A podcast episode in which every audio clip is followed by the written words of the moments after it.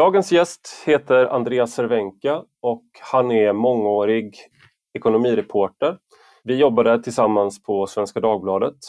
Tillsammans är väl att ta i kanske. Han jobbade på näringsliv och jag jobbade på ledarsidan. Så vi sprang i princip aldrig på varandra. Sedan så gick han över till att arbeta för Dagens Industri och för deras räkning så bevakade han Silicon Valley, detta techföretagens mecka, mellan 2017 och 2019.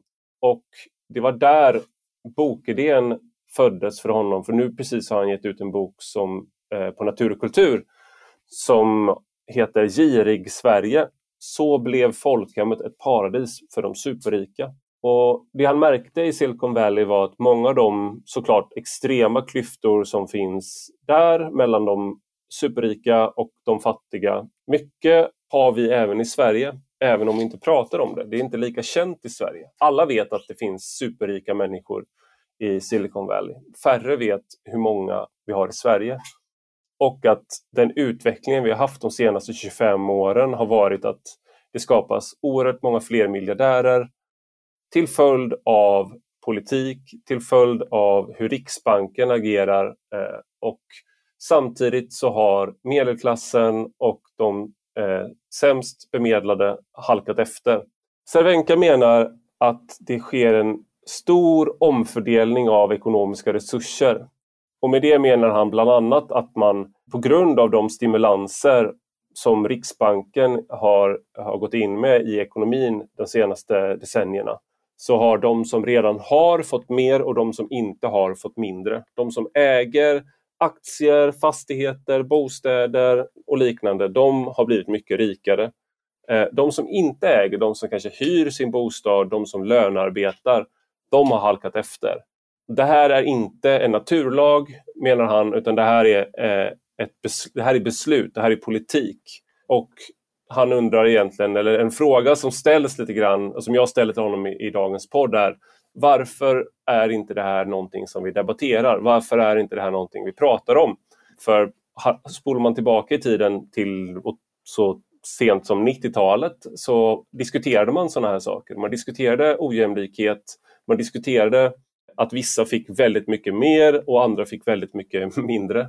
Och nu då när vi har kanske den mest extrema situationen i det avseendet på 100 år så saknas eh, en debatt om det. Så det ska vi prata om idag. Eh, du lyssnar på Rak Höger med mig, Ivar Arpi.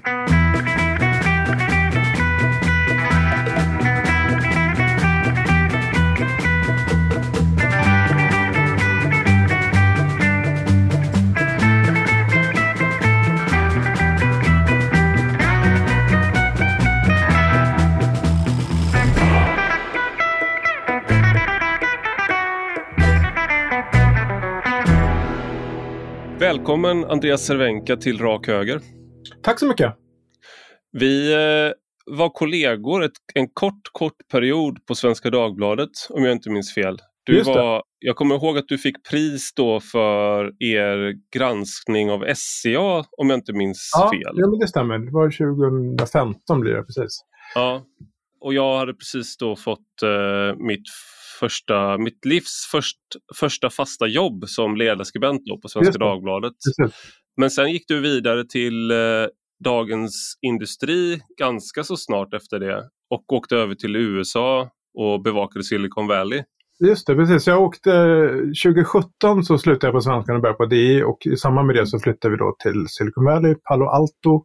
Mm. Och så var jag där i två år helt enkelt och, och liksom med ett uppdrag att bevaka det som händer där med Facebook och Google och all big, big tech. Så det var jättespännande. Och nu har du skrivit en, en bok som är det vi ska prata främst om idag som heter Girig Sverige. Så blev folkhemmet ett paradis för de superrika. Eh, som är utgiven på Natur och kultur. Men jag, spontant tänker jag, varför skriver du inte en bok om eh, Silicon Valley istället? Ja, eh, det är en bra fråga det kanske liksom jag hade lite i tankarna när jag, när jag kom hem. Men det var liksom någonting som hände var att jag menar, Silicon Valley är en extrem miljö på väldigt många sätt. Jag menar, eh, inte minst liksom den enorma koncentration av förmögenhet. Det var någon som sa att det är sannolikt den största koncentrationen av förmögenheter på en liten yta i mänsklighetens historia. liksom du har bara i Palo Alto som är egentligen, egentligen en sömnig universitetsstad eh, från början. Där har du liksom tusen miljarders människor som går omkring på gatan och sådär. Eh, du stötte på eh, Mark Zuckerberg, eh, Ja, Facebook, precis, i glasskön. Ja, glasskön det var lite så här, jag, blev, jag blev som en, liksom en fanboy. jag skulle liksom, det blev inte helt uh, toppen ögonblick. Men det, men det var så. Man kunde liksom, jag, menar, jag pratade med någon som hade sett Elon Musk i Palo Alto. Liksom, så, så att, ja. Sånt där hände. Men, så det är en väldigt extrem miljö med, med enorma liksom, klyftor. Och det var ju väldigt fysiskt tydligt. Uh, det, på gatorna, det var ett stort problem när vi kom dit var att eh, det stod husbilar som hade parkerat på, liksom, på långa eh, raksträckor. Och där bodde ju då liksom, jag säga, tjänstepersonal eller kanske lärare, sjuksköterskor som inte liksom kände för att pendla eh, fem timmar per dag. Eh, eftersom Nej. genomsnittspriset på hus i Palo Alto är tror jag 30 miljoner kronor. Ja. Eh, och, och sen kom jag hem till Sverige och då kände jag lite så här déjà vu bara de här två åren jag har varit borta så kändes det som att någonting hade hänt i Stockholm. Det var liksom, ja, men förstås mycket tech, det var liksom nya miljardärer, det var liksom en ganska hetsighet, det var skenande bostadspriser, det var liksom ett snack om kryptovalutor och startups och liksom det ena med det andra. Mm. Eh, så det, så det var det ena. Men sen så upptäckte jag liksom både USA, eh, när jag skulle förklara för amerikaner hur det funkar i Sverige, så här, skatterna och liksom, här, skolsystemet. Och de tror inte att det var sant. Vad var det eh, du reagerade på då? För annars är det den här klassiska som du tar upp där i boken är ju att ja. å ena sidan är det ja, som Can you believe what happened in Sweden last night? Det är liksom där brottsligheten, Sverige, ja.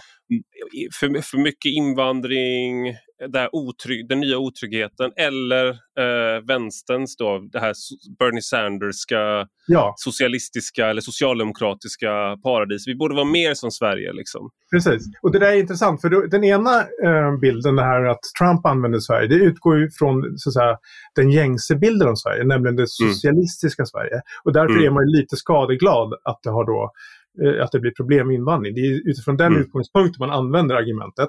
Mm. Eh, från högern i USA och från vänstern är det som du säger Bernie Sanders, här föregångslandet, socialister. Det går att förena socialism och eh, liksom, eh, fritt företagande och, sådär. Ja. och välfärd. Eh, men eh, jag skulle påstå att ingen av de här bilderna stämmer. Det man har missat är ju att Sverige är inte det här DDR-Sverige som, som de Eh, den bilden de kanske har. Mm. Och, och, när man ska förklara för vanliga amerikaner, särskilt i Kalifornien som är lite av en hög, eh, högskattedelstat i USA. Mm. Ja, men så här, ja, men ingen förmögenhetsskatt, ingen fastighetsskatt, vad pratar de om? Liksom, det är en jätteutgift, i, ja, inte minst i Silicon Valley där det är så dyrt. Mm. Ingen arvsskatt, ingen gåvoskatt. Om man berättar om det här uh, vouchersystemet med skolpengen liksom, och börsnoterade mm. bolag. Alltså de, de blir nästan uh, chockade. ISK-konton. ISK-konton, men exakt. Ja. Uh, sådana saker. De, de bara, what? Ja. Och sen, men sen upptäckte jag i Sverige när jag kom tillbaka så tyckte jag inte att våran självbild inte heller hängt med. Eh, mm. riktigt kring den här utvecklingen. Och, och jag har upptäckt liksom senaste året att jag utifrån min liksom insnöade ekonomijournalistvärld ska förklara för så inom citationstecken normala människor om sånt jag skriver om, hur det, hur det förhåller sig, mm. så får jag väldigt ofta så här reaktionen va? Det kan inte vara sant. Av, av liksom väldigt eh, människor som har väldigt bra koll. Mm. Eh, och då tänkte jag att nej, men det här, är någonting, här finns det någonting som jag borde beskriva i en bok. Så då kom boken handla om, om Sverige.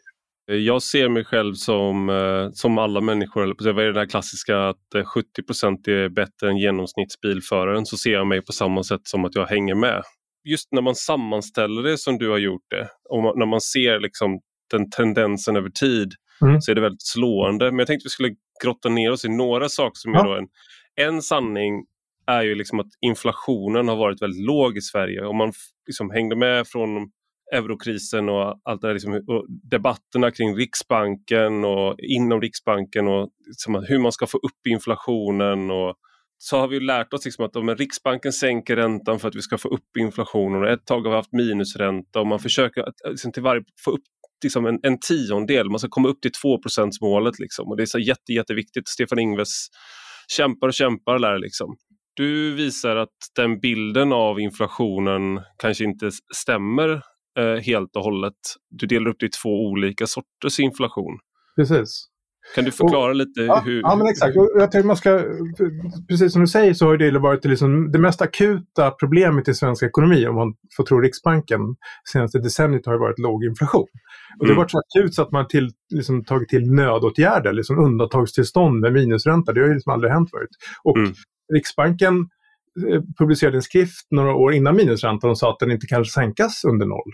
Så det är mm. liksom, man gick över en gräns, en, en teoretisk gräns till och med. Ja. Men, och, och, lite av bakgrunden till det var ju att man 2010 själv då ändrade, tidigare hade Riksbanken så här toleransintervall, kallar man det. Att mm. man, äh, inflationen kunde liksom avvika en procentenhet från, från målet. Så det kunde vara 3% eller 1% Men det tog man bort och då blev den här jakten på tiondelar mycket mm. viktigare. Mm. Och inflationen har ju varit låg, eh, som man tittar på då KPI som, som Riksbanken styr efter. Så, men det finns några aspekter av det som är viktiga att komma ihåg. En är att en jätteviktig faktor att inflationen pressas ner är att man använder vad man kallar för kvalitetsjusteringar. Nämligen att mm. tittar man på statistiken har en dator blivit eh, mer än 95% billigare. Mm. Eh, liksom på tio år kanske. Men går du ut på Mediamarkt så kostar det ungefär lika mycket som det brukar. Det kostar inte 500 kronor. Det kostar inte 500 kronor. Och det beror Nej. på att man räknar så att eftersom datorn har blivit bättre så har du fått liksom, du får mer för pengarna. Och då justerar man ner det som om den hade fallit i pris. Mm. Och det där gör man på massor av uh, varor. Och eftersom utvecklaren varit ganska snabb i, tekniskt så, så blir det en ganska stor effekt. Mm. Dessutom så räknar Sverige liksom lite mer extremt än andra länder. Så det blir ännu mm. större effekt hos oss. I Norge till exempel har datorerna gått upp 150% och våra har gått ner med 95% Det är klart att det, det slår på inflationen. Så det är det ena. Ja. Men det andra är att man inte räknar in eh, liksom priset på tillgångar. Mm. Och Det finns någonting som är kallas för tillgångsinflation. Och den har mm. vi ju haft desto mer av i, i Sverige. Det vill mm. säga stigande priser på bostäder, på fastigheter, på aktier, på mark, allting som är någon slags finansiell tillgång har ju ökat i värde. Det mm. eh, avspeglas inte i inflationsstatistiken. Det, det mm. kommer in lite via bakvägen på boendekostnader men, men det är som i, enligt um, eh, Riksbankens sätt att se det och då Statistiska centralbyrån när de bestämmer inflation så spelar det ingen roll om en, en våning byter ägare för en miljon eller för 20 miljoner. Men mm. det betyder jättemycket för oss, för ekonomin. I, mm. i, i hur mycket vi måste belåna oss, hur rika vi känner oss och så vidare. Så ja. det är ju liksom en, av, en avgörande eh, svaghet. Men om, men om en liter mjölk eh, kostar 13 kronor istället för 8 kronor, då har det ju skett en jätteprisökning procentuellt ja, exakt. Ja, men jag skrev någonstans att så här, om avokadon dubblas då, liksom, då gungar marken under statistikerna. Men om, om en ja. Eh, vindsvåning dubblas då är det... Det, en, det hotar ju tacofredagen. Med guacamolen exakt. blir mycket dyrare genast. Ja, det blir socialt uppror, liksom, destabiliserande ja, effekter. Så det, det, är en aspekt. Sen finns det också, eh, om man tittar liksom en, en, generation tillbaka bland ekonomer, eh, hur mm. man liksom definierar inflation. För det är inte heller givet, utan det har man liksom gått fram och tillbaka. Och det är en väldigt så här, det är alla kompromissers moder. Det ser man om man tittar på statistiken, att man försöker liksom så bra man kan eh, uppskatta liksom prisökningarna. Mm. Så en traditionell definition av inflation är så här, hur mycket pengar kommer ut i omlopp? Och då är det liksom nästan lite barnsligt enkelt, nämligen ju mer pengar det kommer ut, desto mindre blir varje peng värd. Mm.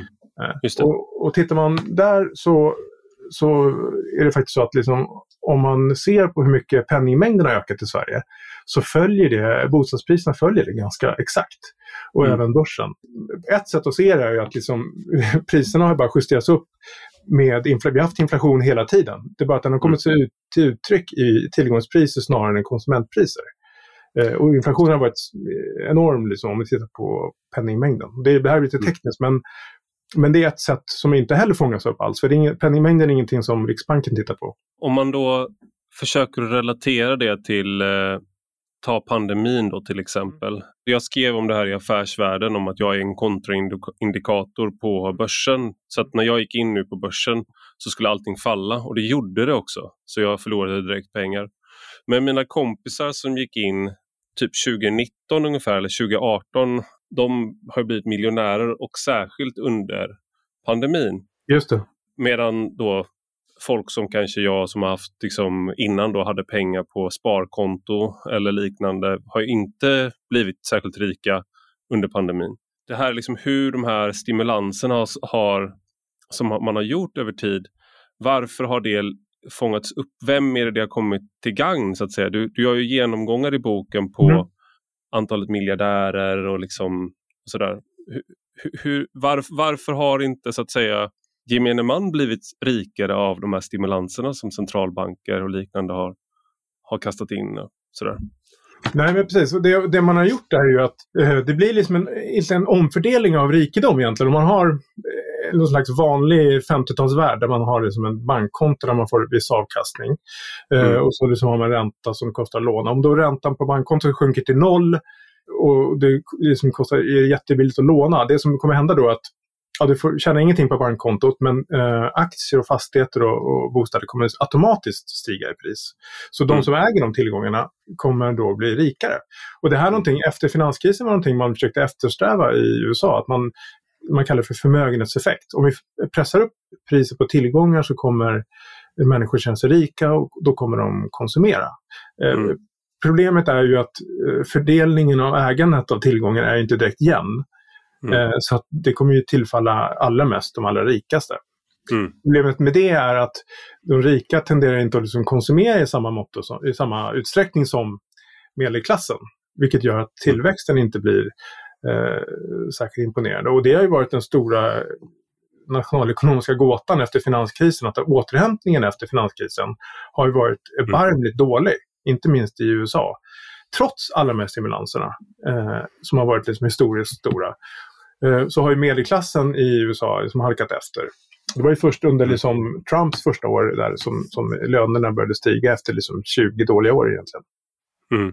Så att det, då, då har det blivit en omfördelning där liksom en liten del av befolkningen har, har tjänat jättemycket och, och andra som inte äger tillgångar har blivit liksom relativa förlorare. Då. Och det är också sant, eh, väldigt sant även för Sverige. Är det isär, för det är väl också en, någonting som framkommer där man kan förstå att eh, du, om rent journalistiskt när man tänker att man ska hitta en story, mm. så är det ju, alla känner till att Silicon Valley innehåller de här Mark Zuckerberg, mm. Elon Musk. Inte, inte längre Peter Thiel, han flyttar väl till Texas eller ja, men, precis. Ja, men i alla fall de här liksom eh, gudabenådade tech-miljardärerna som har någon slags halv, halvgudstatus. Liksom. Mm.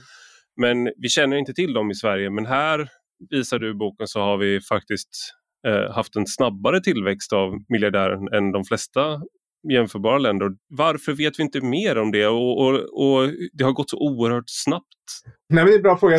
Jag skriver i boken att liksom, vi hade så många, fick så många superrika i Sverige att vi slutade räkna dem. För det, vi har ju mm. liksom räknat miljardärer eh, ända sedan 80-talet. Men sen eh, eh, lades Veckans Affärer ner så det kom inte en lista på två år. Så det var därför jag var tvungen att göra en egen i boken. Och man kan liksom, sådana här listor är alltid, det blir alltid liksom kontroverser och det är liksom ingen perfekt vetenskap. Men det tycker jag är väldigt bra barometer för utvecklingen eftersom ingenting av det här fångas ju upp i traditionell statistik. I Sverige har vi ingen statistik alls över förmögenheter längre mm. efter förmögenhetsskatten. Och även den var ju bristfällig för det var ju så här taxeringsvärden och sånt. Det här är ju liksom, man måste räkna på det sättet som miljardärer räknar. Så mycket är min börspost värd idag. Här är mina eventuella skulder och här är mitt liksom, nettoförmögenhet. Och så därför vill jag lyfta fram det. Och det är liksom, Sverige har haft en egentligen perfekt storm av det här. Vi har haft en penningpolitik som, det är ju liksom inget svenskt fenomen att räntan varit låg, men vi har ju varit extrema. Vi har haft minusränta, Liksom, och, och, och Minusräntan innebär att du får pengar när du lånar i princip. Ja, ja, ja. och det här har ju varit ett, eh, liksom en, en, eh, under lång, många år här de senaste åren så har det ju varit liksom det vanliga på räntepapper när stater lånar pengar har ju varit minusränta. Mm. Jag tror att eh, under en viss period så tjänade, fick ju staten, svenska staten inkomster på, från sin upplåning på mm. tusen miljarder. och i Danmark så var det också var det vissa bostads, bolånetagare som fick hem en liten blankett eller som en liten kvitto på hur mycket de tjänat på sitt bolån den här månaden. Eh, så att de, de väldigt märkliga grejerna har ju liksom uppstått och sen blivit normaliserade ungefär som att det är normalt. Ränta är ju ändå ett 5000-årigt fenomen. Det är ändå ganska liksom anmärkningsvärda grejer som har, som har hänt. Men vi har haft en, mm. en extrem penningpolitik ovanpå det så har vi då haft en skattepolitik som har gått på tvärs med stora delar av västvärlden. Vi har sänkt våra egendomsskatter mest i princip i hela västvärlden. Ligger nu betydligt lägre om man tittar liksom beskattning av BNP än länder som USA, och Storbritannien och så. Mm. Och så ska vi lägga till det tredje här att vi då har privatiserat och, och liksom öppnat upp stora delar av den offentliga ekonomin för marknaden, vilket också skapat stora möjligheter att tjäna pengar snabbt. Och så vi, sen är vi också ett entreprenörstätt land, framgångsrika, och vi har fått väldigt liksom mer techbolag då än, än de flesta andra länder. Mm. Och det här har ju så samverkat i, eh, i Sverige och det är därför det här liksom har exploderat, eh, skulle jag säga. Dessutom har vi då en väldigt liksom, koncentrerad bankmarknad som är banker som är väldigt eh, stort inflytande, stor marknadsandel och har en, liksom, en historia med en ganska slapp bankreglering. Ja. Och dålig lån. Jag menar, I USA när man pratar om bolån, då är det så här när vi var, var där, det var så här, men man lånar på 30, man amorterar på 30 år. Det kostar liksom 4,5 procent. Mm. Så vadå, vadå låna till liksom 1 procent utan mm. amortering? Det, de, liksom, va? Det, det här är, mm. Sverige har ju liksom varit extremt. Jag menar, vi har ju, det var inte så länge sedan man kunde låna till 100 procent av köpeskillingen. Mm. Eh, alltså jag missade den, eh, det tåget ja, tyvärr. Ja, jag också, precis. Jag också gjorde mm. det tyvärr. Mm. Ja, och det, är liksom, det säger sig självt. Om du kan låna till 100% av en tillgång, vad blir din avkastning? Den blir ju oändlig. Så mm. att, som svenska förortsettor har ju slagit varenda tillgångslag i den finansiella världen. Mm. Eh, sen mitten på 2000-talet. Eh, mm. Så det är massa saker som har liksom samverkat i Sverige som har gjort liksom att utvecklingen har blivit extrem när man säger att vi har förmånliga skatter i, eh, i Sveriges skattenivåer i Sverige och att vi har sänkt skatter och, och sådär. Mm. Och när man kollar på så här marginalskatter, men när man pratar om skattenivåer då handlar det väldigt ofta om skatter på inkomst, skatter mm. på till exempel, och vi vill ha hit eh, de främsta experterna i eh, den här typen av kirurgi eller raketforskning och hjärnkirurgi kan vi säga. Då. Det är svårt, säger man, att rekrytera dem hit för att de får betala så mycket för eh, skatt på sina löner och sådär. Och vi har, om man jämför då med skattetryck på inkomster, så ligger vi inte längre, vi inte längre världens högsta skatter, men eh, vi ligger högt. Och det där säger inte du, argumenterar inte du emot, det är inte de Nej. skatterna du pratar om, Nej. utan det är en annan, andra sorters skatter. Vad är skillnaden då? Ja, men det är där man måste hålla två, två tankar i huvudet samtidigt, nämligen att man kan vara ett högskatteland och ett skatteparadis på samma gång. Man kan vara ett mm. väldigt jämlikt land och ett väldigt ojämlikt land också på samma gång och det är Sverige. Nämligen att vi, det är sant att vi har väldigt höga skatter på arbete internationellt sett. Eh, vi har rört oss när det gäller skatter på kapital åt andra hållet och nu har nu väldigt liksom förmånliga nivåer. Mm. Och, så, och, och ovanpå det har vi det här som kanske kommer in på investeringssparkontot, ISK, som är i princip ett slags eh, skatteparadis inom landet på kapital. För man, man tittar ofta på inkomsterna när man, när man tittar på eh, fördelning. Och, och tittar man på så här lönespridningen i Sverige så är den fortfarande väldigt liten. Mm. Där är vi väldigt jämlika. Det som har hänt är att man, om man lägger på eh, kapitalvinster ovanpå det, det är då det drar, drar isär. Mm. Eh, eh och då blir vi liksom har, mer ojämlikt. Men där vi är mest ojämlika är på förmögenhet och kapital. Och mm. eh, det som jag tror många miss, har missat är att för man brukar säga så här, om man, om man höjer skatter på kapital då flyttar skattebasen. Därför kan man inte ha kapitalskatter. Jag skulle vilja säga att det är samma är sant för arbete. Därför att det som har hänt i Sverige de senaste åren är att man har sett en enorm industri kring att omvandla lönebeskattning till kapitalbeskattning. Med fåmansbolag och på olika sätt. Att man är liksom en lönearbetare men man gör det i bolag.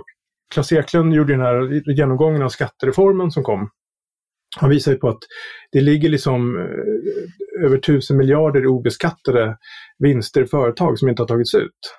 Mm. och man ser liksom att hur man tar ut lönerna så, i bolag så anpassas det till liksom, eh, när marginal, högsta marginalskatten slår in och så vidare. Mm. Vilket gör att statistiken kommer att pressa ner inkomsterna. Samma sak mm. med ISK, eh, eftersom du inte betalar någon skatt längre på kapital på aktievinster och utdelningar så mm. dyker det inte heller upp eh, som kapitalinkomst. Jag tycker vi kan... Så här, så här gör ja. vi, vi är egentligen mycket o, mer ojämlika än vad det ser ut. Och i Sverige är det liksom, det är eh, relativt sett väldigt olönsamt att arbeta. Att mm. tjäna pengar på lön. Man kan inte bli rik på att liksom, lönearbeta utan man blir rik på att äga tillgångar. Därför mm. en enorm överflyttning till, till... Och därför menar jag att det är mycket mer relevant egentligen att titta på förmögenhetsklyftorna idag än, än bara inkomstklyftor.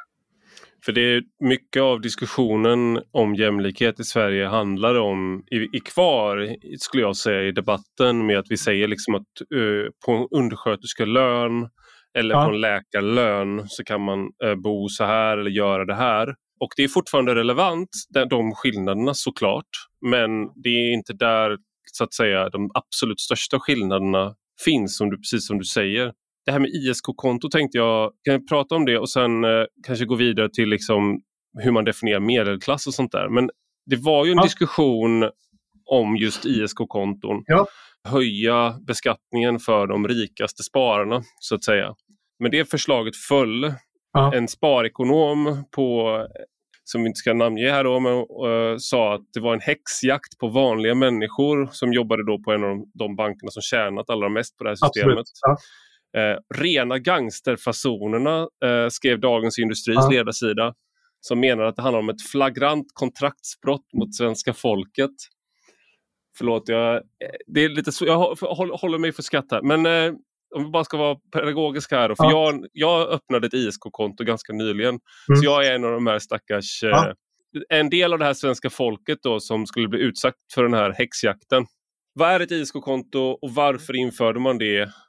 Eh, och vem är det som, som gynnas av det egentligen?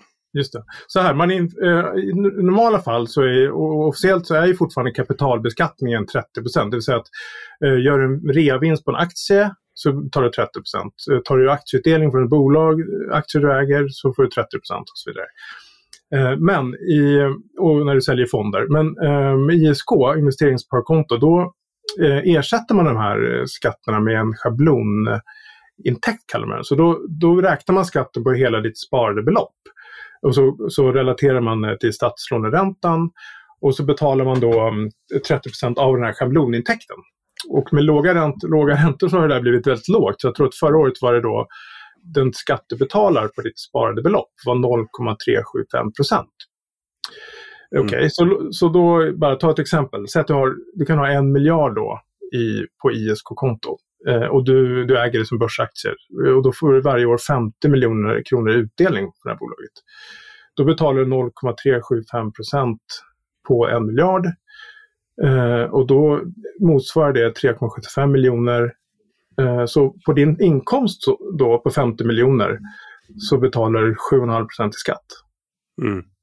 Det är ju ett skatteparadis jag, jag har själv svårt att, svårt att liksom, för jag har inte, jag har inte heller något ISK-konto, att jag var tvungen att liksom verkligen kolla upp så här, kan det här verkligen vara sant? Mm. Eh, och, och, jag tror liksom att hade man som gått till val på att så här, nu ska vi genomföra en reform som kommer kosta liksom 160, 150, 200 miljarder i uteblivna skatteintäkter. Och eh, den reformen kommer tillfalla ungefär 3% av svenskarna till tre fjärdedelar. Så tror jag mm. att det kanske inte hade lyft.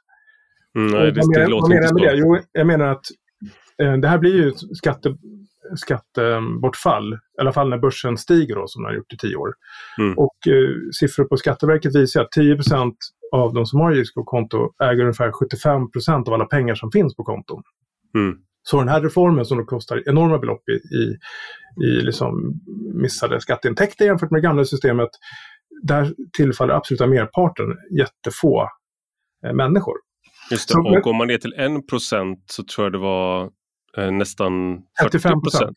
Ja, men precis. Exakt. Ja. Och, det, och, det är, och det är intressant för de siffrorna är ju helt i linje med, med liksom, eh, hur till exempel här Credit Suisse rankar förmögenhetsojämlikheten i Sverige. Så det är, mm. visar att liksom, de siffrorna verkar vara ganska eh, relevanta. Men, men, med det sagt så är det också det här har blivit naturligtvis väldigt populärt. Eh, och då är det ju också många småsparare som är med. Så att, mm. Och skillnaden är att du betalar ju då eh, lika mycket, 0,375 procent om du har 10 000 eller 100 000 som om mm. du har en miljard. Och det är plattskatt liksom... med andra ord. Ja, men plattskatt, och det är, Centerpartiet, det här, det här ja. idéprogrammet som, de, ja, som blev, där det var månggifte och eh, det var det ena, det är det de flesta kommer ihåg. Men det andra de fick kritik för var det här förslaget om plattskatt. Ja. Där att alla, det är samma skattenivå för alla. Eh, Precis. Och det följer också då såklart när Annie Lööf fick åka hem från semestern där. Ja, eh, och sådär. Det här är ju ett antal år sedan nu. Men, men det här är det ju faktiskt precis. Ja. ja. Så det, det, här är en väldigt extrem reform på det sättet. Mm. Men det är klart att om man då vill höja det, då, då är det ju sant att det är alltid mycket lätt mycket svårare att ta tillbaka reformer. Det är svårare, det är svårare att ge ett barn godis och sen ta tillbaka det.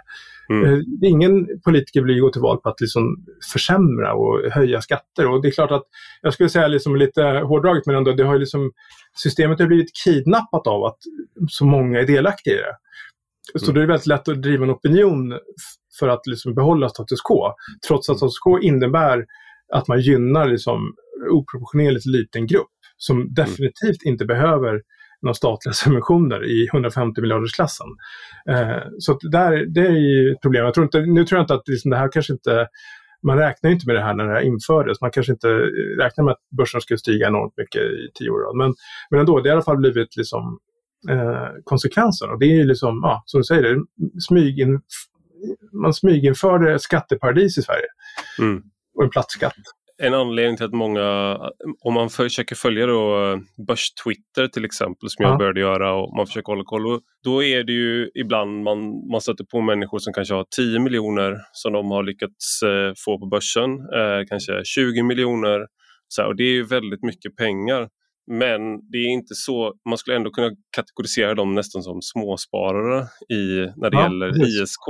Eh, och att, men det, det finns ganska mycket, många människor som har som människor jag känner som kanske började med 100 000, 500 000 och som nu har några miljoner och då Just känner det. de så att det är mig de är ute efter. Eh, när, man, när man då vill införa begränsningar på ISK. Eh, för att det, finns så, det är så otroligt många idag som har ett ISK-konto och man vill kunna spara pensioner. Och, det, och börsen har ju gått uppåt väldigt mycket. Ja. Eh, så då ser man liksom sin, den här möjligheten mm. att, mm.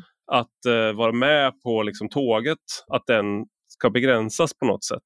Ja, och, och, I någon mening kan man förstå liksom att man kanske behöver en sån reform. Eftersom tillgångsinflationen i Sverige har varit extrem så mm. har ju liksom särskilt ung, många grupper hamnat utanför och liksom måste bygga upp ett kapital och känner säkert en viss desperation. Sen har vi ett pensionssystem som funkar ganska dåligt. Så att man måste vara mycket mer eh, finansiellt savvy än när jag växte upp.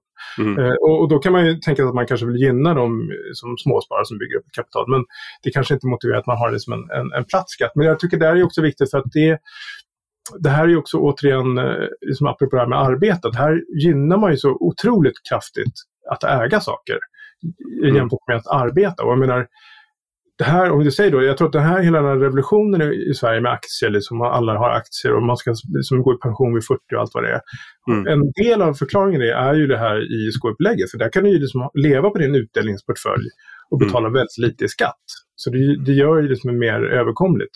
Men mm. det kanske inte riktigt om, om, vi ska prata flagranta kontraktsbrott, så är det väl ändå att liksom en värld där man som då, eh, kapitalägare betalar en tredjedel av skattesatsen eh, för ett som kafébiträde. Det är ändå mm. en liksom, politisk omsvängning som heter duga i Sverige. Eh, mm. Och den har ju skett lite grann under radarn får man ändå säga. Det var ju det här klassiska, du återkommer till det i boken också, men Leif Östlings eh, citat där, vad fan, vad fan ja. får, vi får jag för pengarna? Eller får man för pengarna? Ja. Eh, att det kanske är fel person som utbrast det. Det kanske snarare är kafébiträdet då som skulle utbrista ja. det än, eh, än Leif. Lite så är det ju. Och, och jag, jag, liksom, jag, nästan, jag hoppas nästan att jag har missuppfattat hela det här med ISK. Alltså att någon, att någon liksom tittar i boken och säger att det ju helt fel om ISK, det stämmer inte. Ja. Eh, ja. Så här, för, ah, vad skönt, okej, okay, det var inte så illa som jag trodde. Men det är ju liksom rent extremt och jag tror verkligen att så här, för svensk ekonomi, eftersom vi har satsat allt på att vi ska arbeta. Vi har ju valt att mm. så här, ta in, det som ska finansiera välfärden är ju liksom skatt på arbete. Det är mm. så vi har lagt upp det. Och om vi kraftigt hela tiden missgynnar att arbeta jämfört med att äga så kommer ju liksom, den skattebasen kommer ju minska. Mm. Det är inte särskilt bra för samhällsekonomin om man sitter hemma och lever på sin utdelningsportfölj. för de, de skatteintäkterna kommer lägre än om man jobbade som mellanchef eh, i industrin eller vad man nu gjorde innan. Så att, det, det, det är därför massa osynliga kostnader som, som, måste, eh, som inte dyker upp eh, direkt. Det, det, här är lite utanför din boks eh, ämne men det är ju en del som pratat om just det här att det har blivit så lukrativt att gå in i finansbranschen eh, och liksom, förvalta fonder, arbeta med den typen av, eh, av saker. Eh, att de, så att the best and the brightest eh, gärna går in där för att mm, där ja. finns det stora belöningar att få. Men eh, det kanske inte är där att sitta och förvalta fonder och bli rik förvalta pengar och förvalta då liksom så att säga när central, centralbankerna stimulerar ekonomin och det leder till att börsen, du, du som sitter och förvaltar en fond kommer få bonus och, och liknande så du kommer bli rik. Men det kanske inte är där vi kommer göra, genom att förvalta en fond jättebra så kommer vi inte göra något stort genombrott i vetenskapen eller i tekniken Nej. och att de, så att säga, de entreprenöriella krafterna som man kanske i tidigare, tidigare generationer hade gått någon annanstans, ja. de går idag gärna in i finansbranschen. Jag tänker på en, min, mm. jag har en, min storebror eh, doktorerade i teoretisk fysik. Många av hans eh, vänner och bekanta de började ju arbeta med för banker till exempel. Mm. Eh, mm. För att man, man, är väldigt bra på att räkna helt enkelt. Så fysik, teoretisk fysik, svarta hål i all ära. Det man kan använda den där kunskapen till är till exempel att tjäna väldigt mycket pengar. Ja. Uh, nu jobbar han på ett av de här stora techbolagen istället ja, med ja, något som inte alls har med teoretisk fysik att göra. Uh, men just att man kan använda den där förmågan. Men idag då att man blir snarare en förvaltare än en skapare när det finns så mycket belöningar i den här branschen. Nu vet jag att inte det du har skrivit om, men jag tänkte bara höra vad du, jo, vad du tänker om det. Det, hänger, det hänger, delar helt den synen och det, det var ju en sån insikt jag fick i Silicon Valley. Där, där har man ju luftlandsatt liksom tiotusentals, hundratusentals av de absolut smartaste människorna från, över hela jorden. Från, hela, från Indien, från liksom Afrika, överallt eh, mm. Europa. Eh, och vad gör de? Till 95% så jobbar de med att optimera och maximera annonsintäkter. Silicon Valley borde egentligen heta Ad Valley. Det är, för det är liksom där pengarna ja. strömmar in då, till största delen. Och i mm. Sverige är det lite samma sak. Här, här jobbar de smartaste människorna numera liksom på så här private equity-bolag. Och som du mm. säger i, i finanssvängen. Och, och varför, varför är det så lukrativt? Jo, det är ju återigen det här med tillgångsinflationen. Ta fastighetsbranschen till exempel som är glödhet och, och som nu liksom pekas ut som en jätteorosmoln för svensk ekonomi och så där, för att den är så högt belånad. Alltså uppgången där och rikedomarna som skapas där, det är ju till 90 procent eller mer en effekt av låga räntan. Mm. Fastighetsbranschen är ju, det som du köper ett hus, du får in hyror och sen ska du liksom betala lån. Eh, mm. Eh, så att, eh, det är liksom, då, rent matematiskt så blir det liksom att värdena bara skjuter i höjden ju längre Läng ju billigare blir det att låna och desto lägre avkastning de som köper fastigheter är beredda att acceptera. Mm. Eh, eftersom andra alternativ är så dåliga som stadsränta där är minus. Mm. Eh, får det liksom en dubbeleffekt. Eh, och det har ju liksom förstås gjort det här till en, liksom guld, en guldrush i fastigheter och allt som hör, hör till. Liksom. Och, och riskkapitalbolag, samma sak, värderingar på börsen och så vidare. Så att, och det här tror jag, liksom, om man tittar på så här, de fyra viktigaste yrkena i Sverige, om du frågar politiker, om du lyssnar på partiledardebatt, så låter det som att det är sjukvården, lärare, polis och militär. Mm. Alla de här fyra yrkena har det gemensamt att om du ska gå in i dem eh, så, så, innebär det en ekonomisk uppoffring. En relativt att du liksom tar en kula för laget, inte, inte bara rent bokstavligt talat som i militären och polisen utan också i ekonomiska termer. Mm. Men en nyutexaminerad polis i, i Stockholm har 26 500. Nu mm. kommer det höjas till, till den eh, astronomiska summan 28 500. Det kommer vi aldrig ha råd med. Nej, det är, precis, det är en kostnadschock som, som ja. inte, inte kan smälta. Och jag tror, de här, de här jag tror det är en plutonchef som ska försvara Sverige mot Rys, Ryssland eh, tjänar 30 000. Mm. Och så om du räknar baklänges, hur mycket kan man låna eh, på en sån lön om man är två stycken? Två plutonchefer. Mm. Ja, det, är inte, det är inte på Söder man kan bo i alla fall. Så mycket Nej. är klart. Och det där är liksom blir ett problem. Och det skapar tror jag osynliga kostnader. Så här, men då blir det kanske inte självklart att välja de karriärerna eller välja lärare. Eller det sker någon smygande liksom kanske kvalitetsförsämring eller liksom, talangerna eh, går inte dit. Eh, mm. Jag menar, på 70 och 80-talet var det så här jättehett eh, att vara, om jag fattar rätt, att plugga på Socialhögskolan. För då fick man vara med och förändra samhället. Mm. Men nu är det ju Handelshögskolan som gäller liksom, förstås. Mm. Eller, eller KTH. Så att, det där tror jag, och där fångas inte heller upp. Så där får man väldigt mycket liksom, sådana indirekta effekter tror jag. vi kan gå in på fastighetsbranschen ja. lite grann. För jag tänker att ett, en folk, om man pratar om folkaktier, ett tag var det ja, ju liksom, Telia var väl, eh, var väl ingen supersuccé för, för folket vad gäller det, nej, när den nej. liksom imploderade. Eh, Ericsson, en annan folkaktie som kanske inte heller levererade vad det skulle. Nu har vi eh, några andra folkaktier då som man brukar prata om där väldigt många sparade. Investor är en sån. Ja, eh, men en annan som är på väg upp i alla fall om man kollar på hur många som har det är Samhällsbyggnadsbolaget. Just det. SBB. Eh, ja. Och den som startade SBB och som är vd där, Ilja Batljan, och han, är som, han har varit en socialdemokrat i alla år och var en av Mona Sahlins närmaste medarbetare och varit förtroendevald för Socialdemokraterna. Varför går det så bra för SBB? Alltså för de har ju ökat i värde på ett sätt som är eh, det är svårt att... Liksom, det, det, mm. det rör sig om sådana astronomiska summor. Och du jämför hur snabbt han själv, Ilja, har mm. blivit dollar, dollarmiljardär eh, jämfört med Daniel Ek på Spotify. Det tog tio år för Daniel Ek att bli dollarmiljardär, men det tog fem år Filja Battledjan att bli det. Så hur har SBB, om man tar dem som en symbol för fastighetsbranschen ja. mm. lite grann, hur har det, varför går det så bra för dem? Hur, har det gått, mm. liksom, hur gör de? Jo, eh, och där, jag har skrivit en hel del om honom eh, därför jag tycker han symboliserar ju verkligen det här nya Sverige jag skriver om. Och han har utnyttjat alla de möjligheter som det nya Sverige ger. Eh, liksom finansiellt och liksom politiskt. Och så här, i korthet, vad han blev rik på? Han har blivit rik på att ta över tillgångar som tidigare ägdes av det gemensamma. Det är den enkla förklaringen. Så man kan titta så här, eftersom han då har köpt eh, det mesta han äger, som har någon gång ägts av kommuner, han äg, köper direkt av kommuner, vårdcentraler, skolfastigheter, polishus, kommunhus, you name it. Liksom, allting köper han. Mm. Och SBBs kurs har gått upp 600 sedan noteringen. Vem gjorde mm. den bästa affären? Det låter som att det var han som gjorde det faktiskt. Utan mm. att det var någon liksom jättebörssnille. Eh, Haparanda uh, kommun har inte ökat lika mycket. Nej, inte, såld, nej, inte, så, nej. inte sist, jag kollade kursen. Haparanda kommun. Och det här, vad beror det här på? Jo, han har ju förstått alla de här mekanismerna. Nämligen, ett, han har förstått den finansiella logiken. Nämligen att om du ska låna så, så måste du låna så mycket som möjligt. Ju mer mm. du lånar, desto billigare blir det. Mm. Så han har ju drivit en enorm liksom, expansionsstrategi och byggt mm. upp jättebolaget med jättelån och hela tiden har räntan sjunkit. Och sen mm. har, man, har han ju då köpt hus, sen har han uppvärderat husen, eller fastigheterna. Och det kan man ju då i den, den, um, de redovisningsregler som gäller så, så blir det i hans resultaträkning som en vinst. Så om, mm. om uh, han räknar upp värdet på sina fastigheter med 10 miljarder, då blir det en vinst på 10 miljarder.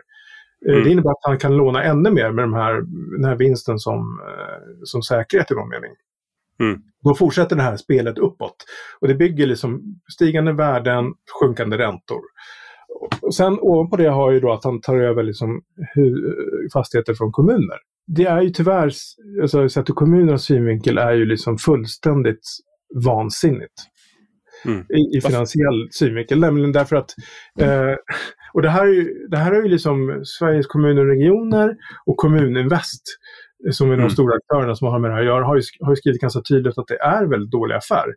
Nämligen därför att en kommun, staten och det offentliga kommer alltid låna billigare än, än eh, privata aktörer. Mm. Vilket innebär att eh, det är mycket billigare för en kommun att liksom ha kvar huset och i så fall öka sin belåning om man vill, behöver mm. få loss pengar. Eh, så att tittar man då på liksom 20 år, särskilt med låga räntorna, så kan det bli eh, liksom, dubbelt så dyrt eller ännu mer, tre gånger så dyrt över tid mm. att mm. hyra. Mm. Så det, det, man gör är att man, man egentligen har skapat en framtida kostnadsbomb. Eh, därför att de här hyrorna räknas upp med inflationen och sen så tänker sig förstås Ilja att han ska höja hyrorna när kontraktstiden gått ut efter tio år. Liksom. Mm. Så det kommer bara stiga uppåt.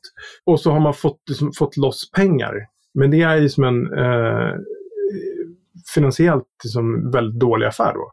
Det är som att kissa på sig då lite ja, grann. Att exakt, det exakt så. Precis, det känns som att vi fick loss mycket pengar liksom. Men, mm. men, jo, men du, har ju, du, du kan ju låna belånare med istället. Och, och det har ju varit mm. någon slags bild av att ja, kommuner kan inte låna eh, det finns ett lånetak. Så här, men det har ju Kommuninvest som ändå sköter upplåningen av kommuner sagt att nej, det stämmer inte. Utan Eh, det är klart att man kan låna om, om man ser vad det handlar om. Eh, att mm. man lånar med liksom, eh, de här tillgångarna som säkerhet. Och det här är någonting som Riksgäldens generaldirektör Hans Lindblad har sagt många gånger. Mm. De sköter ju statens upplåning, att det är liksom idiotiskt att, att uh, privata aktörer ska ta över här tillgångarna. Och det här är, det är förstås det har blivit jättelukrativt. Det är bara, inte bara Ilja, utan det är det hetaste segmentet liksom, i den finansiella världen i att köpa nedslitna vårdcentraler liksom, skolor. Just det, och äldreboenden och, och, ja, och allt vad det och Hur har han gjort det här? Jo, han, en, en, en anledning till att han lyckas med det här är förstås att han vet hur det politiska systemet fungerar. Han vet hur kommunalråden tänker, han känner många av kommunalråden. Mm. Eh, han vet liksom hur han ska sälja in det, han är liksom en seriös aktör i deras ögon. Och jag säger inte på något sätt att han har gjort något, liksom, något kriminellt eller något, någonting sånt. Han har bara utnyttjat systemet. Och inte ens att det handlar om korruption tror jag. Men om man pratar om vad är kleptokrati egentligen? Det är ju att ta över tillgångar som ägs av det gemensamma och att på ett eller annat sätt utnyttja sina politiska kontakter. Och inga jämförelser med, med liksom ryska oligarker i övrigt, men det är ändå mekanismer bakom det här. Men vi har eh, fler and, som andel av befolkningen hur mycket de äger i Sverige. Tar du Ja, Så alltså vi svenska militärer, vi är världsetta. Vi, vi ligger snäppet över Ryssland. De är tvåa ja, vi, vi i egen liga. Ja. Alltså det, det, ja. det, var ju när, det var ju den här listan som, som väckte lite uppmärksamhet som Financial Times gjorde. För, så här, hur har det gått för the billionaires under pandemin? Då hamnade Ryssland etta då, alltså dollarmiljardärernas andel av rysk BNP var 40 procent. Och då hamnade Sverige tvåa med 30 procent. Det var många som blev förvånade. Men jag höll ju precis då på med min miljardärslista och kunde konstatera att, eh, för den här dollarmiljardärerna grundade sig på Forbes lista och då var det 41 namn. Men jag kom ju upp i 81 namn. Och det beror förstås på att Forbes har inte samma lokal eh, som, som en, journalist i Sverige. Jag har ju grävt fram dessa lokala fastighetskungar som ingen har talas om. Och eh, så här, Anders Hedin, mm. bil, det var till och med eh, lite jättemärkligt. Jag, jag flyttade till Skåne så var det så reklamblad ehm, i inbladet i Sydsvenskan så var det en liten artikel om en entreprenör och, som håller på med klickgolv. Så kollade jag upp hans privata bolag. Det visade att han är god för 14 miljarder. Okej. Okay en person som inte är med. Liksom, så det en, sån person missar ju Forbes. Då. Och då mm. kommer jag fram till att de, de här 81 personernas tillgångar var värda 49% av BNP. Så att etta mm. Sverige, långt därefter Ryssland och sen kommer resten. Just det, så oligarkernas Ryssland är tvåa och DDR, DDR Sverige är etta. Ja, lite så. Ja. Och, men just här, och det är så här, man ska inte jämföra det som ryska, för det, många av dem är så rent kriminella. Men jag tycker det är relevant att prata om den här, den här enorma nej, överföringen. Jag menar inte heller det. nej, nej, inte det. Men menar, att ingen, för, för då öppnar man upp sig för så här onödig kritik. Ja, exakt. exakt. Och det är dumt. Utan det, fakta talar för sig själv. Nämligen att ja. det har skett en enorm överföring av tillgångar som vi ägde tillsammans mm. till, eh, till privata aktörer. Och det har ju varit mm. liksom, dels en dålig affär. Och dels tror jag att det har varit en otroligt missad chans, till exempel när det gäller allmännyttan. Alltså mm. alla, miljon, alla de områden som nu är på nyheterna varje dag på grund av gängkriminaliteten. Mm. Är, är ju områden som har bytt ägare till ständigt högre värderingar. Där vissa mm. aktörer har tjänat liksom, det är många tiotals miljarder som har tjänats. Och det är den här mm. uppgången som helt har då gått um, de, här, de som bor där och de kommuner som, är, som de här områdena ligger förbi. Pengar som Just hade kunnat... Ja du, du pratar om det, i, eller du skriver ja. det i boken, just hur för det, det, den kontrasten där tror jag kan sticka i ögonen eh, hos många. Mm. Just att eh, det förmögenhetsmiraklet finns åtminstone ja. till dels i de svenska förorter. Och de här bostadskvarteren ja, som du säger, ja. som du säger då, liksom har, har förekommit i nyheterna väldigt mycket. De, det är ju inte så att de som bor där har sett, sett av de här miljarderna. Men så, så hur kan man tjäna massa pengar på att äga bostäder i utsatta områden? Ja, exakt. Därför, jo, därför det, och det enkla svaret är ett ord, kassaflöde. För allting mm. handlar om kassaflöde i den här lågräntevärlden. Ja. De, de ser ja. inte husen, de ser kassaflödena. Eh, och mm. Varför då? Jo, därför att det är bostadsbrist så, som man kommer alltid hyra ut, hur dåliga de här lägenheterna är. Eh, och har man inte pengar att betala hyran så kanske eh, det sociala som står för hyran. Eh, mm. Så det finns liksom säkra intäkter och hyrorna är på ganska låg nivå. Och det man gör då är att man köper husen och sen så när någon liksom flyttar ut så renoverar man den personens lägenhet och mm. höjer hyran. Och det, jag, jag tror jag jämförde med boken med att du äger det som ett, ett Sovjetplan från 60-talet och så byter du ut några av eh, sätena mot som så här Emirates eh, business class eh, flatbeds. Liksom. Och så ja. höjer du priset på just dem. Men ja. huset är lika risigt fortfarande. Mm. Och man har inte, liksom, med kanske några undantag, gjort någon sån här helrenovering eller stambyten eller gjort om hela kvarter eller det som behövs i de här områdena. Utan det, man har ju gjort den här modellen med liksom renovering efterhand, höja mm. hyran och sådär. Eh, och det är på grund av de låga räntorna och liksom att eh, avkastning på allt annat var så dåliga har de här tillgångarna ökat jättemycket värde. Inte minst därför att det anses då så säkert. För mm. någonstans så står ju liksom, som sagt, samhället, svenska samhället som en slags yttersta betalningsgarant. Mm. Eh, så då har det blivit de här enorma värdena. Och då köper man och säljer och liksom värdet går upp. Problemet är att hade liksom de här fastigheterna behållits, om det bara, bara räknar, hade de liksom kunnat få loss, då hade ju kommunerna kunnat tillgodogöra sig den här värdeökningen. För den är ju på riktigt ändå. Eh, och liksom, kan jag tänka dig som 20 miljarder som hade kunnat satsas på att göra om olika utsatta områden. Mm. Man får rätt mycket för de pengarna. Men ingenting det... de här, de här områdena är ju i liksom, om möjligt ännu sämre skick än, än när de började säljas ut. Mm. Enligt, enligt många liksom, reportage. Är det av ideologiska skäl som man håller på och säljer, säljer då allmännytt? För man tänker i linje med den här managementskolan, New Public Management, som är väldigt svepande. Men att man tänker att privata utförare är mer effektiva, kostnadseffektiva, de gör ett bättre jobb. Så att det är bättre på alla sätt och vis om de sköter det än om vi sköter det i kommunal regi eller statlig regi. Är det det som ligger bakom det här fast man då blir avrådd från Sveriges kommuner och regioner till exempel att, att göra det här? Ja, nej, men det är en bra fråga. Det, menar, det är klart att det finns en relevant diskussion. Så här, är det offentliga eller privata bäst skickade att äga olika saker? det är ingenting som jag lägger mig i. Men, men jag, vet inte, jag har inte hört talas om någon ideologi som tycker det är bra att slumpa bort tillgångar. Vad kallas den ideologin? Liksom?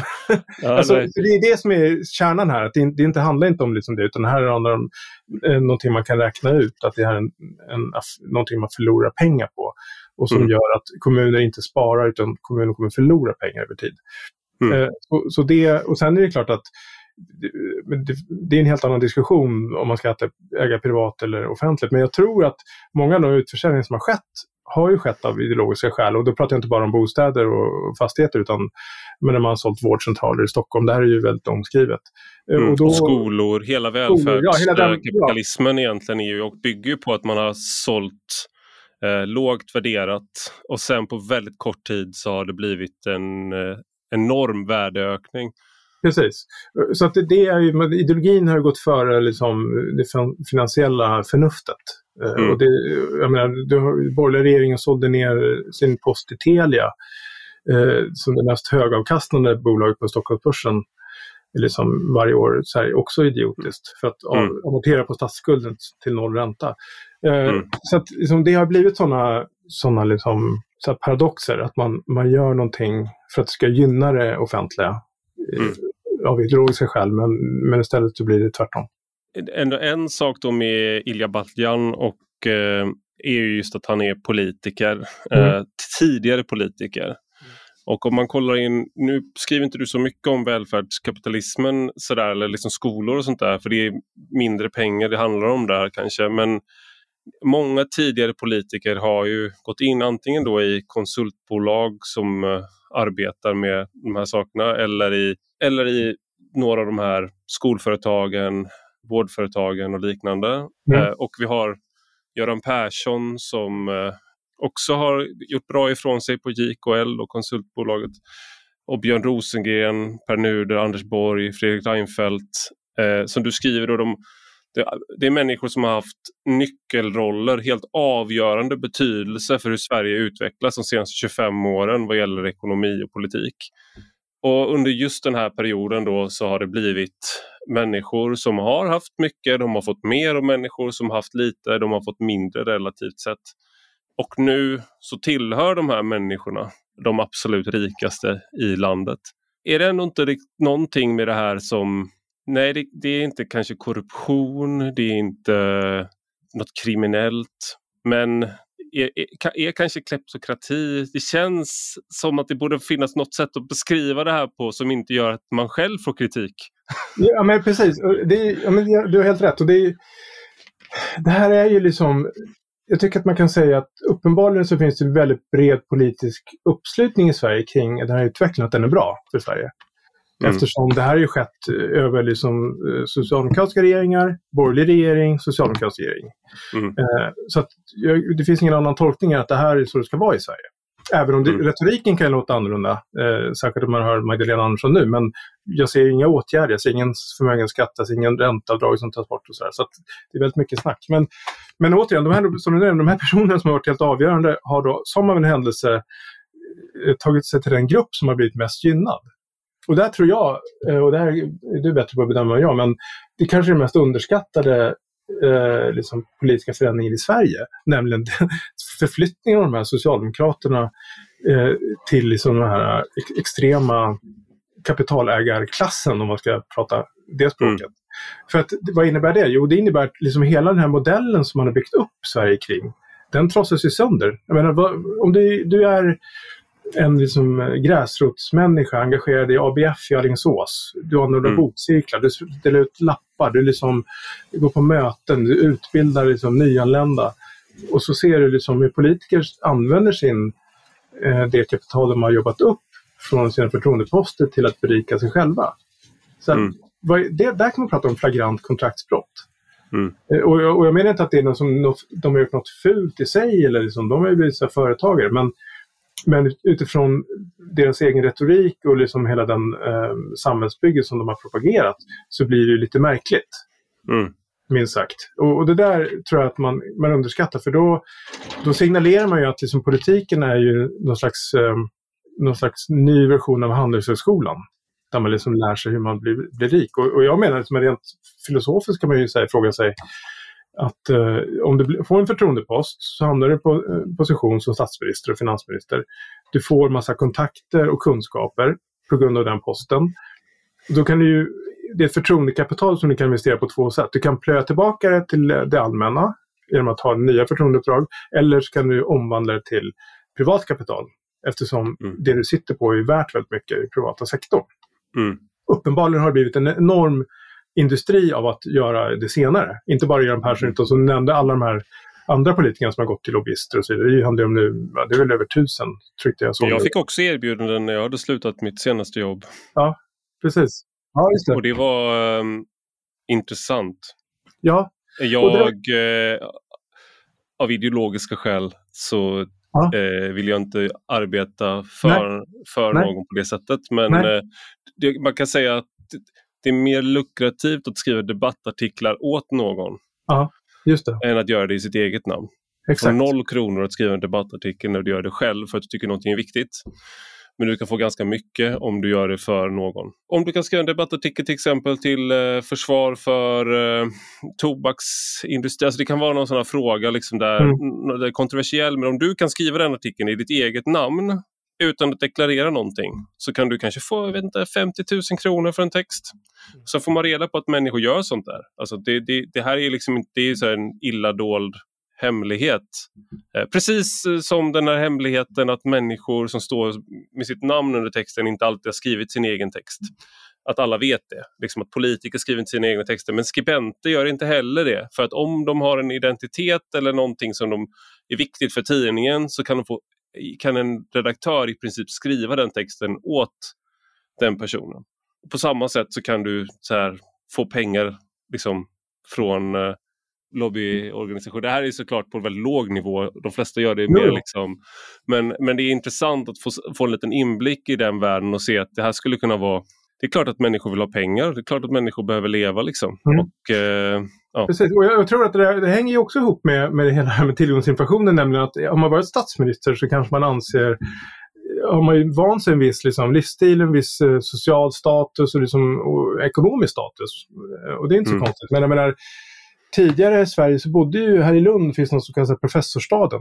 Och det är mm. jättepampiga bilder. Där bodde också professorer på 70-talet. Mm. Nu är det ingen professor som har råd att köpa där. Samma med Kobo här i Uppsala. Ja, ja men exakt. I, det finns inga, här är det företag som ja. hyr ja, eller köper. Ja, exakt. Därför händer så det är samma sak för politiker. Så att är du, eh, vill du liksom bo som det ans, anstår en tidigare statsminister, ja, då gäller det liksom eh, få upp ditt kassaflöde ganska rejält. Mm. Som Göran Persson har gjort. Så det, det tror jag också är en, en del av det här. Och jag är fortfarande fascinerad att Göran Persson får uttala sig hela tiden som tidigare statsminister. Jag, jag undrar alltid, vilken kund fakturerar för det här? Mm. Den här åsikten. Och hur mycket? Jag kommer när Fridolin slutade som språkrör mm. så blev han lärare igen. Och det blev stora rubriker. För det var underförstått var det så här, varför cashar han inte in? Mm, exakt. Det, Samma med Ann-Sofie Hermansson i Göteborg. Ja, hon, ja. hon äh, blev ju, jobbar ju som äh, oh, det heter inte sophämtare, det heter något annat. Ja. Eh, det är väl precis lokalvårdare, det finns något annat. Eh, renhållningsarbetare. Ja. Vad sa du? Renhållningsarbetare, ja, just det, ja. precis. Ja, men hon jobbar, jobbar med det nu. Sen kanske hon inte alltid kommer göra det, men eh, det finns ju ett ideal här som jag, som jag tycker är ganska fint som de, de första liksom, de första amerikanerna som, alltså de som under frihetskriget på 1700-talet och sådär, mm. Eh, de hade som ideal. Det är därför Cincinnati heter Cincinnati, för Cincinnatus var en eh, tidig diktator. På den tiden betydde det bara att du fick makten över militären ett kort, en kort period. Och det funkade faktiskt ganska länge i Roms tidiga historia när Rom var en republik. Så han blev diktator två gånger och sen så avsade han sig makten precis som han skulle så åkte han tillbaka till sin bondgård och han blev återkallad då. Eh, så den delstaten är eh, döpt efter det. Och det var faktiskt det George Washington gjorde också mm. när han slutade som president. Och, och han återvände till sin gård och jobbade där.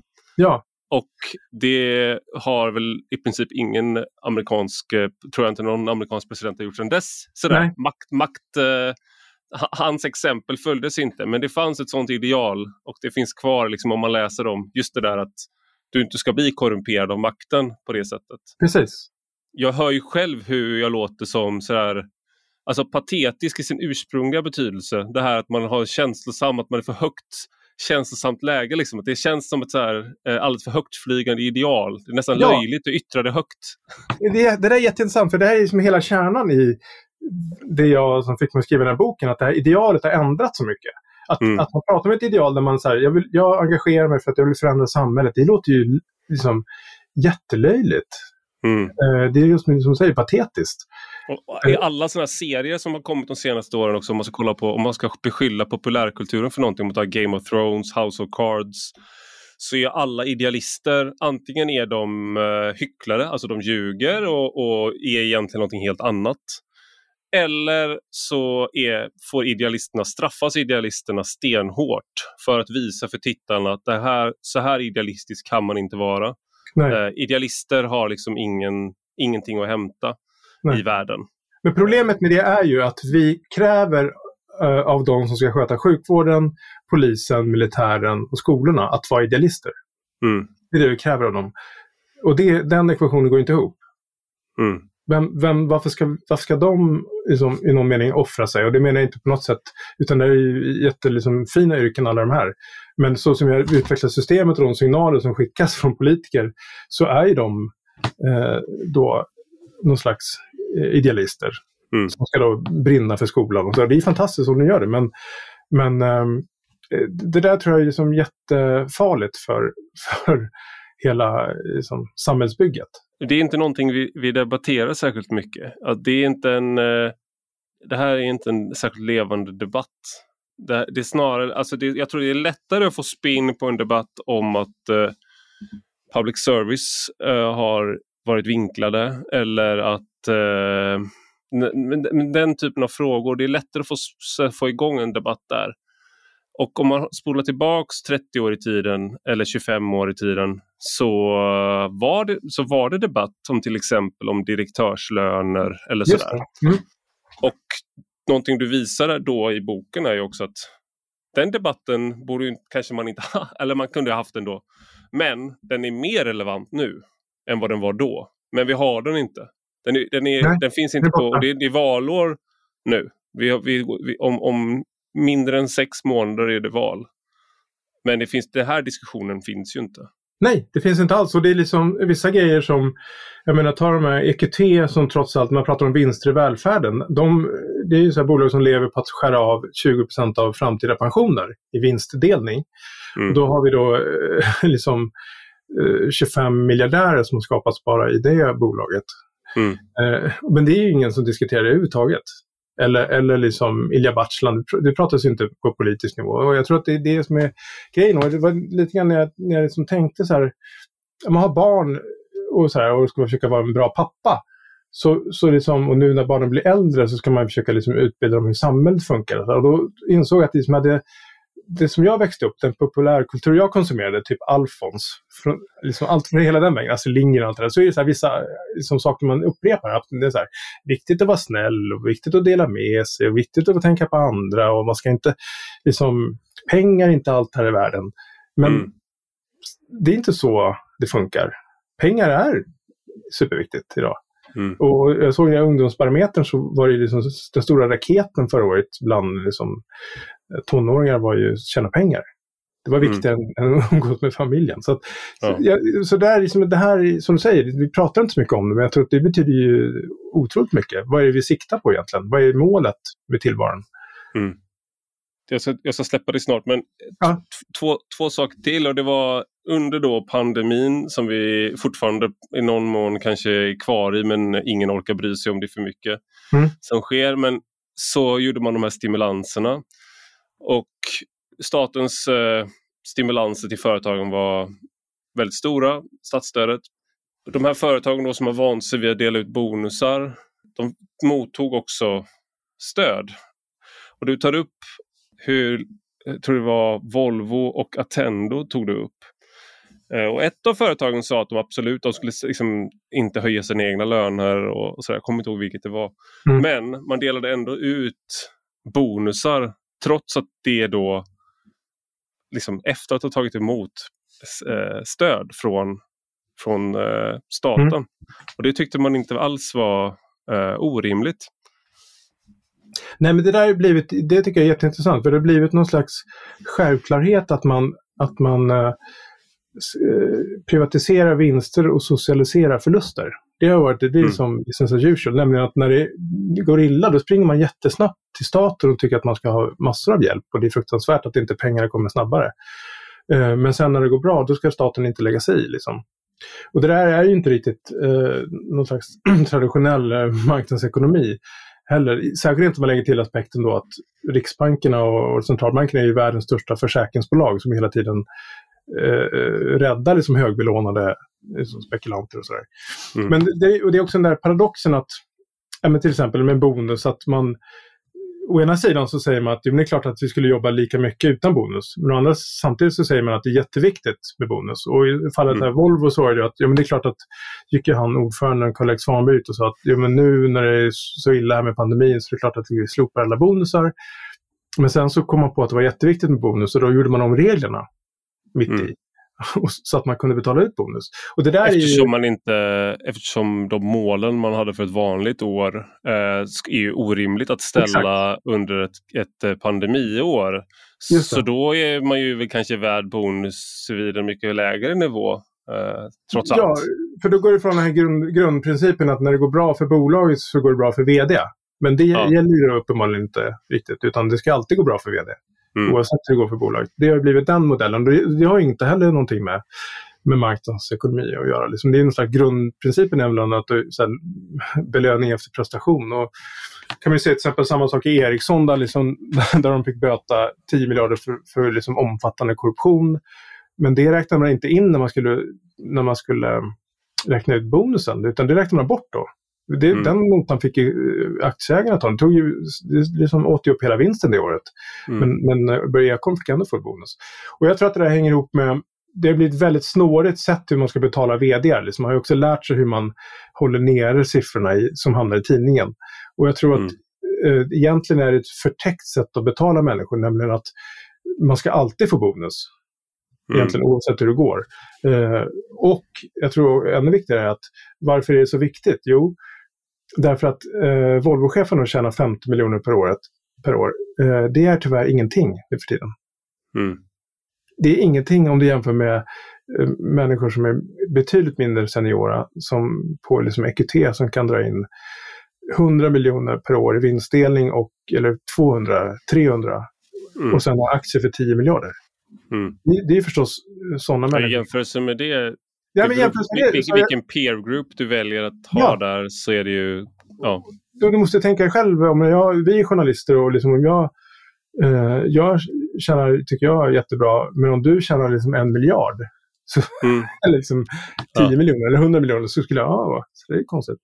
Eh, och det är klart att de jämför sig på det sättet. Och det finns tror... sådana skillnader inom journalistbranschen också. Till exempel vi då som har, nu är inte jag längre fast anställd, men om man jämför en fast anställd på en tidning med eh, de frilansar som man är helt ja. beroende av. Såklart att det är liksom en annan, annan men, men jag känner många som ändå är så här, återkommande medarbetare.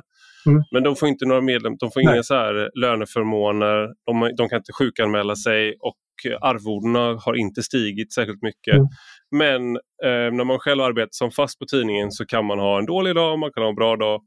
Eh, man ska såklart skriva, man har förväntan och man måste producera allt sånt där. Men när du väl är inne där så har du det ganska bra. Och hela journalistbranschen ser ut så här också. Men med det sagt då, då är, då är vi på lönenivåerna så det är ändå skillnaderna däremellan är liksom den ene kanske liksom får 60 000 i månaden eller 40 000 i månaden och den andra kanske får 10 000 mindre i månaden eller 20 000 mindre i månaden. Men det är liksom det små...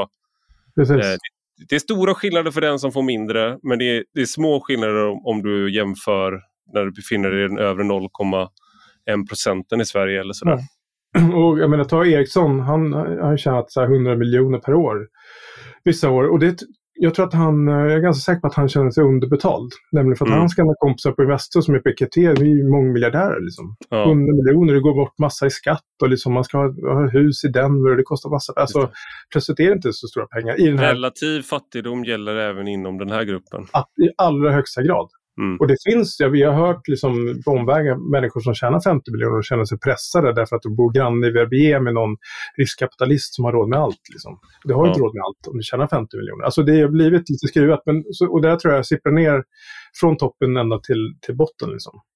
Men det är någonting här, du citerar eh, Johan Norberg i det här och jag tyckte det var intressant för han är, inte, han är ju känd, han skrev 2000 ett var det väl, så skrev han till världskapitalismens mm. försvar och blev väldigt känd med det. Och nu så skrev han en, en bok som kom nyligen, som jag, jag glömmer av vad den hette nu, som, också, som är liksom en uppdatering. Eh, Kapitalistiska manifestet va? Just det. Just det. Så här har vi inte liksom eh, ett, ett, en skäggig marxist. Men han skriver så här, centralbankerna curlar de redan besuttna genom att möta varje marknadsoro med massiva monetära stimulanser och lägre räntor, vilket pumpar upp bostads och aktiepriserna. Trots e- att ekonomin lider. Har man kommit tillräckligt högt i samhället verkar gravitationen vända så man bara faller uppåt. Vi har ju pratat om det redan, men just den här tanken att det är liksom en, en, eh, en, en grupp människor som, in, som arbetar i förhållanden där de blir too big to fail. Eh, och ta Ilja Batljan då, nu, nu har inte han failat än, men låt oss säga att han har tagit så stora lån, han äger så mycket. Hans SBB utgör en så stor, de är, som en, de är liksom som en, en bank nästan i sin storlek. Om de börjar krisa, om allting börjar falla, då kan, det är väl inte orimligt att tänka sig att man kommer behöva rädda SBB Nej, på något sätt. Det gjorde man ju under pandemin. Hans liksom, obligationer, så här, räntan gick upp liksom, tre gånger om på några veckor.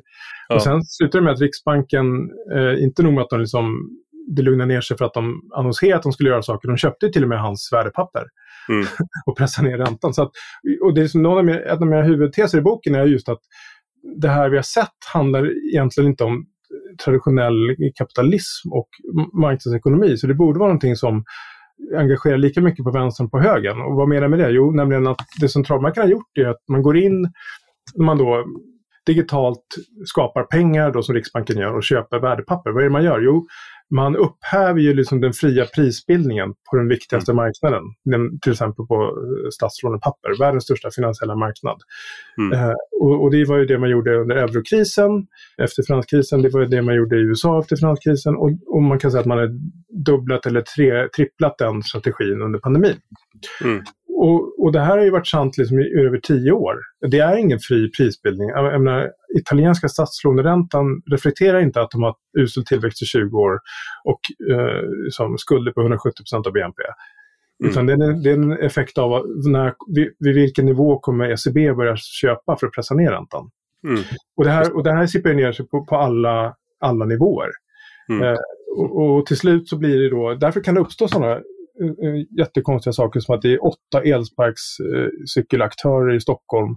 Ingen mm. tjänar pengar och alla är arga. Liksom. Mm. Det är liksom den yttersta konsekvensen. Mm. För det är inte marknadsekonomi. Det är inte marknadsekonomi att Klarna är värt 400 miljarder. Det är en effekt av liksom, eh, förvrängda finansiella liksom, förhållanden. Eh, och upphäver gamla ekonomiska lagar. Mm. Eh, och, och det och, men det är klart att de som är vinnare, Ilja Batshan skulle aldrig hålla med om det. Nej. Att, att det är någon yttre faktor som har lett till hans framgång. Utan det är ju Nej. hans hårda arbete och det är klart att det ligger en del i det. Men, men jättemycket är ju... Och, och det han Norberg um, trycker på som jag tycker är väldigt viktigt är att det varit en, över lång tid en, byggts upp en liksom asymmetri. Nämligen att man är jättesnabb att uh, uh, som stödja marknaden när det blir en, uh, som ett börsras eller någon krasch. Men man är inte alls lika snabb åt andra hållet och det ser vi ju just nu. Nu har vi liksom inflation i västvärlden, i USA på 7-8 procent, i Europa på 7 procent, i, i Sverige snart 6 procent och räntan är noll. Mm. Däremot när, det blir, när börsen rasar under pandemin så tog det bara några dagar innan man sänkte räntan, eh, lanserade det mest massiva stödpaketet någonsin i historien. Mm. Så det, det, verkar som att liksom, den viktigaste barometern för det mänskliga livet är ju börsen, Dow Jones. Om det faller, då är det kris. Då händer det snabbt. Liksom. Det får bli mm. mycket snabbare att rädda börsen än att rädda liv och få mm. fram respiratorer eller liksom munskydd och så vidare. Mm. Och det här blir ju klart att varje, för varje gång man räddar eh, och det man gör också att man undviker företag som kanske borde ha gått under går mm. inte under. Och det är ju problem med europeiska banksystemet. Massor av banker är egentligen inte livskraftiga. Och det där sänker mm. tillväxten över tid plus att det då ökar risktagandet. För att, mm. jag menar, eh, det är ju en logik i att ju större risk du tar, som du sa, så desto större chans att du blir räddad. Mm. Eh, och det tror jag också, tror jag, min tolkning av bostadsmarknaden under pandemin är delvis att man tolkar det som att Riksbanken gick in och räddade bostadsmarknaden. Mm. Att den har blivit too big to fail redan i Sverige. Och då kan man ta mer risk som individuell eh, bostadsköpare jag tänker bara om, om medelklassen så att säga hade fått, eh, hade fått det bättre under den här perioden också så att säga. Om, om alla båtar steg så att säga av, att, mm. av, av tidvattnet så tror jag att det hade kunnat vara positivt. Eh, alltså då, tror jag ändå, då hade man inte varit så kritisk menar jag. Någonting du tar upp då när man jämför liksom, olika grupper är ju att människor som är i nedre delen av, alltså som är medelklassen, så har det faktiskt gått sämre för eh, de senaste 25, mellan 1995 och 2019. Alltså den, den översta 10, liksom 10 procenten, där har de gjort... Under perioden har Sveriges BNP växt med 160 procent. Mm. Den nedersta gruppen, eh, den nedersta 10, eh, 10 procenten, eh, har, har, har, växt, har, ökat sin, eh, sin förmögenhet eller sitt välstånd med 95 procent går du på medianen i hela befolkningen på 50, de 50 procenten och då är det 142 procent. Är du på 10 procent rikaste så är det 174 procent. Men går du liksom allra högst upp då är det plus 457 procent. Mm. Det är ju en, en känsla där, där den rikaste har verkligen dragit ifrån och att men med det sagt, då, där, där liksom, det här följer ju på det vi har sagt eh, som du har gått igenom här, som du skriver i boken, att om man korrigerar då för bostadspriser och liknande mm. så har de följts åt ganska väl, de rikaste och eh, bostadspriserna. Mm, det är bara precis. det att om du är då polis med 26 000 eller, eller läkare ibland också till och med, eh, sjuksköterska i alla fall, eh, lärare, då har du inte längre råd att bo på Södermalm till exempel. Knivsöder är knappast Knivsöder mm. längre så att säga. Utan det, man går inte runt med kniv, man kanske går runt med en, nu har man väl inte längre, med selfiestick. Men alltså det, det, det, är helt andra grupper av människor för att man, eh, mm. man, har inte, man har prisats ut ur olika områden. Så medelklassen har liksom inte tagit del av den här kakan. Nej, eh, men exakt. Och det, det, nu pratar du om liksom inkomsterna. Då är, ovanpå mm. det som du säger så är även förmögenhet som jag skulle säga ännu, ännu viktigare. Och ja, jag blandade finns... lite där. Nej, men det, det, det, är helt rätt. Eh, och det, det visar ju, så här, ett, problem är att man inte riktigt, man, vi vet ju för lite om, om hur vi har egentligen i Sverige, mm. alltså hur mycket pengar vi har. Det, eh, Finansinspektionen har försökt illustrera det här med att vad händer om räntan stiger? Att liksom visa att väldigt många har, trots att man på pappret kanske till och med har miljoner i bostadsförmögenhet, eh, så har man inga pengar. Mm. Man har liksom inte till oförutsedda utgifter, man har inte så stor marginal om räntan ökar. Liksom. Eh, så det där är ju liksom ett, ehm, eh, ett jätteproblem. Och det är, så här är det också att liksom, eh, vinnare föder vinnare, nämligen ju rikare är, du är, desto bättre avkastning har du oftast på dina placeringar. Så du kommer att dra ifrån ännu mer. Så att den här kurvan kommer ju om något, om det fortsätter så här, accelerera. Eh, mm. Om ingenting händer. Och vi har ju då, men det är, som du säger, det är, i storstäderna är det som, har det pågått en socioekonomisk rensning under mm. lång tid. Vissa yrkesgrupper flyttar ut och helt andra flyttar in. Det är dock ett väldigt roligt eh, korvfel i din bok där, där det står ja. en socioekonomisk resning istället. som man kan tolka Aha. som motsatsen där. Att du liksom Aha. äntligen äntligen så blir det lite fint folk som, okay. som kommer, ja, kommer in. Jag ska försöka ändra det. liksom, vad menar han resning? Menar han verkligen? Det känns inte som att Nej. det går i linje med vad han säger i övriga nej. boken. Bra, jag ska, jag ska genast eh, se till att fixa det. Men, nej, men, men så. Och det är ju... Eh, och det har ju också liksom, det hänger ihop med så här, en sociala status. Jag menar, hur, hur bodde en ordförande i Högsta domstolen 1980? Eh, hur bor vederbörande idag? Liksom? Mm. Om man inte har pengar med sig från tidigare. Så, mm. eh, så allt det här tror jag man kan ta på kontot liksom, osynliga kostnader eh, som man upptäcker först efteråt. Och en annan aspekt är ju att liksom för att hänga med här, de som inte har tillgångar och, och lever på lönearbetet, och liksom, de kanske belånar sig. Tar liksom blankolån och sådär. Och det har ju varit mm. en annan boom i Sverige, nämligen dyra lån. Mm. Så, som folk hamnar i en skuldfälla längst ner. Med sådana här Orwellska slogans för sina företag. Så här, vi finns där när du behöver oss ja, eller något sånt där. Exakt, bara, fast, fast betalar du inte inom sju dagar din exakt. jävel så får du ja. 4000 procent i ränta eller ja, någonting. Exakt, ja men lite så. Det är liksom så eh, Squid Game över hela. Eh, I Sverige. Så ja. det är också sånt. Det är också i sig som en slags subprime-problem. Att mm. de, här, de här lånen är så dyra så mm. även om det inte är så mycket i förhållande till bostadslånen så kan det bli problem om det blir mm. lågkonjunktur. Liksom. Jag tänkte avsluta med någonting som du avslutar med i din bok. För det ja. var ett, ett väldigt roligt, veten, eller roligt men väldigt eh, talande vetenskapligt experiment som du tar upp. Mm. Eh, om hur människor ser på, på sina egna privilegier, vad som är ens egen förtjänst och liknande. Mm. Och du, du återger det då att man, for, forskarna bjöd in deltagare att spela brädspelet Monopol med varandra. Men man hade ändrat reglerna lite grann. Kan du återge det här och, och vad relevansen är för, för det vi har pratat om idag?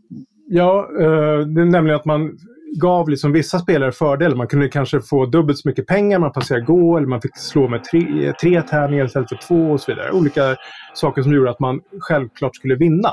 Mm. Eh, och det var två saker som hände. Dels så kunde man snabbt se att de vinnarna då, som hade blivit utvalda från, på förhand började bete sig ganska illa under spelets gång. De blev dryga helt enkelt och liksom lite så här jobbiga om att göra och liksom hånade förlorarna.